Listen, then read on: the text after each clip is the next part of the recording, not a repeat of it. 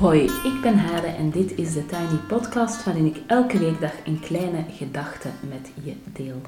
Vandaag is het vrijdag 29 mei 2020 en de kleine gedachte gaat over dun draad. En dit is de 50ste podcast en dat voelt echt als een mijlpaal. Ik, ik beschouw mezelf altijd als iemand die dingen kan starten, maar niet goed kan volhouden. 50 podcasts maken zonder een dagje over te slaan is voor mezelf echt een soort overwinning. Dat betekent dat ik tien weken lang elke dag, elke weekdag een podcast heb gepubliceerd.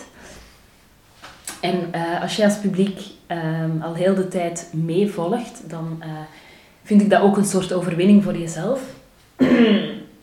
Want dit is misschien wel de minst gelikte en geëdite podcast um, die je op internet kan vinden. Tot en met dat ik ook wel eens stemissues heb of hoest of mij verslik in een slokje water. En dat ik denk, nou ja, dat is dan maar zo. Dus ik ga daar niet heel erg op uh, monteren. Want dan ja, zou het voor mij een project zijn dat ik niet heel erg kan volhouden.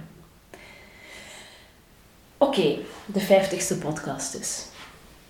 En ik ga vandaag voorlezen uit een moederbrein dat ik heb geschreven voor Psychologisch Magazine. En dat is een tekst van uh, een tijdje terug.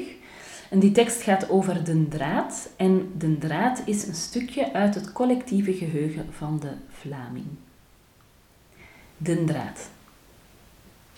Iedereen die de Nillies bewust heeft meegemaakt, kan de meeste sketches van In de Gloria nog luidop meezeggen. Voor de jongere of Nederlandse lezers onder u zal dit absurd klinken. Ah nee, ja. Voor de jongere lezers moet ik hier zeggen.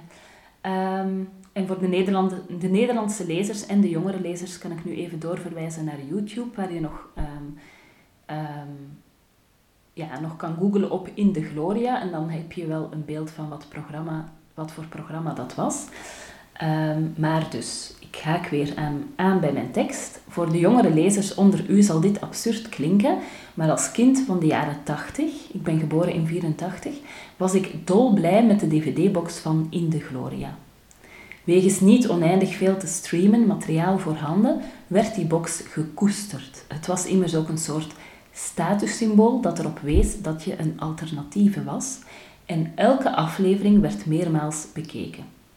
Ideaal vertier voor op zondagmiddag onder een dekentje, voor avonden met vrienden, voor als je geen zin had om te studeren of als je, te, als je vergeten was naar de les te gaan. Uiteraard werd de dvd dan afgespeeld op de computer. We waren in die tijd nog niet zo van de grote tv's en al zeker niet op kot of op kamers. Anyway, in de Gloria dus. Een beruchte sketch ging over de draad. Grappig en intrist tegelijk, over een koppel dat kampte met de draad.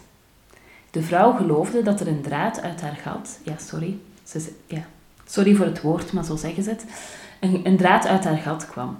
Die draad rolde zich af als ze het huis verliet en had slechts een beperkte rijkwijde. Ik verklap verder niets, de draad staat op YouTube. En er zijn meerdere afleveringen, dat moet ik ook even zeggen. De laatste tijd heb ik de draad. En hoewel ik het al twee keer eerder heb meegemaakt, zo'n babytje in mijn leven, was ik er nu in het geheel weer niet op voorbereid.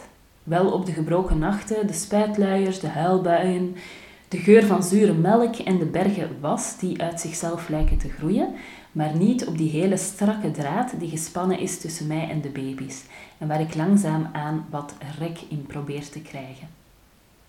Ik denk dat een draad iets van moeders is. Vaders moeten werken om de band tot stand te brengen, maar vele moeders houden een draad over aan de bevalling. In het begin zit die draad strak. De eerste keer dat je hem uitrolt om eens alleen naar de supermarkt te gaan, voelt het alsof die draad tegenwerkt. Je moet al behoorlijk vast besloten zijn dat je inderdaad koffiemelk nodig hebt en dat de baby echt even bij je partner of je moeder of wie dan ook kan blijven om daadwerkelijk die weerspannige draad te trotseren en in de supermarkt te geraken. Met de tijd wordt de draad wat losser. Plots reikt hij tot de bioscoop. De eerste keer dat ik in de film zat na de geboorte van de baby's, was ik de draad zelfs even vergeten. Waardoor de irreële, doch stresserende gedachte ontstond dat er zeker iets ergs zou gebeuren als straf. Toen de draad lang genoeg was om eens naar een restaurant te gaan met mijn man, geraakten we er onderweg in verstrikt en krulde de draad zich vervolgens op in mijn maag en rond mijn darmen, waardoor het leek alsof elke hap eten in mijn slokdarm vast kwam te zitten. Nee, geen dessert voor mij. Een unicum voor deze zoete kou.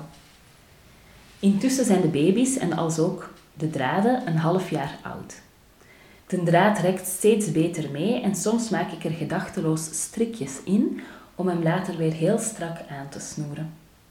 Ik weet dat het heel nauw luistert met een draad. Er moet immers genoeg verbondenheid en genoeg ruimte zijn voor de baby's om zich te kunnen ontwikkelen tot zelfzekere en veilige hechte volwassenen.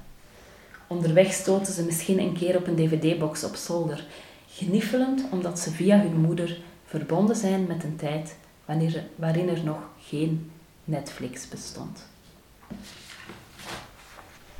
Zo, dat was het, uh, een stukje dat ik destijds voor Psychologisch magazine heb geschreven. Is intussen ook alweer uh, anderhalf jaar oud, dit stukje.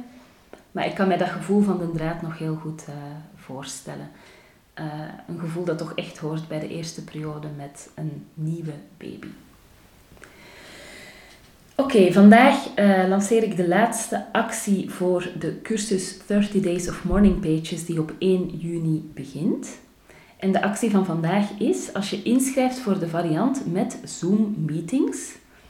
Um, dus dat is de variant van 99 euro, waarbij je dus wekelijks een Zoom meeting hebt um, om met anderen over je proces te praten onder mijn leiding.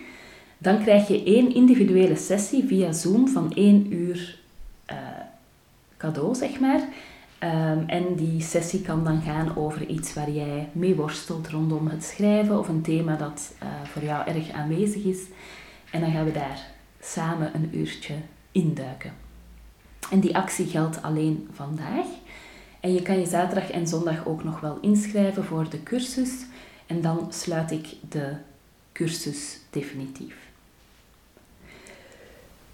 Tot zover voor vandaag. Je kan me volgen op Instagram, TheTinyPodcast. En je helpt me door deze podcast wat sterretjes te geven op iTunes, een review achter te laten en of hem door te sturen aan iemand anders die er misschien graag naar luistert. En uh, ja, dit was de 50ste Tiny Podcast. En uh, maandag ben ik er gewoon weer met nummer 51. Tot later!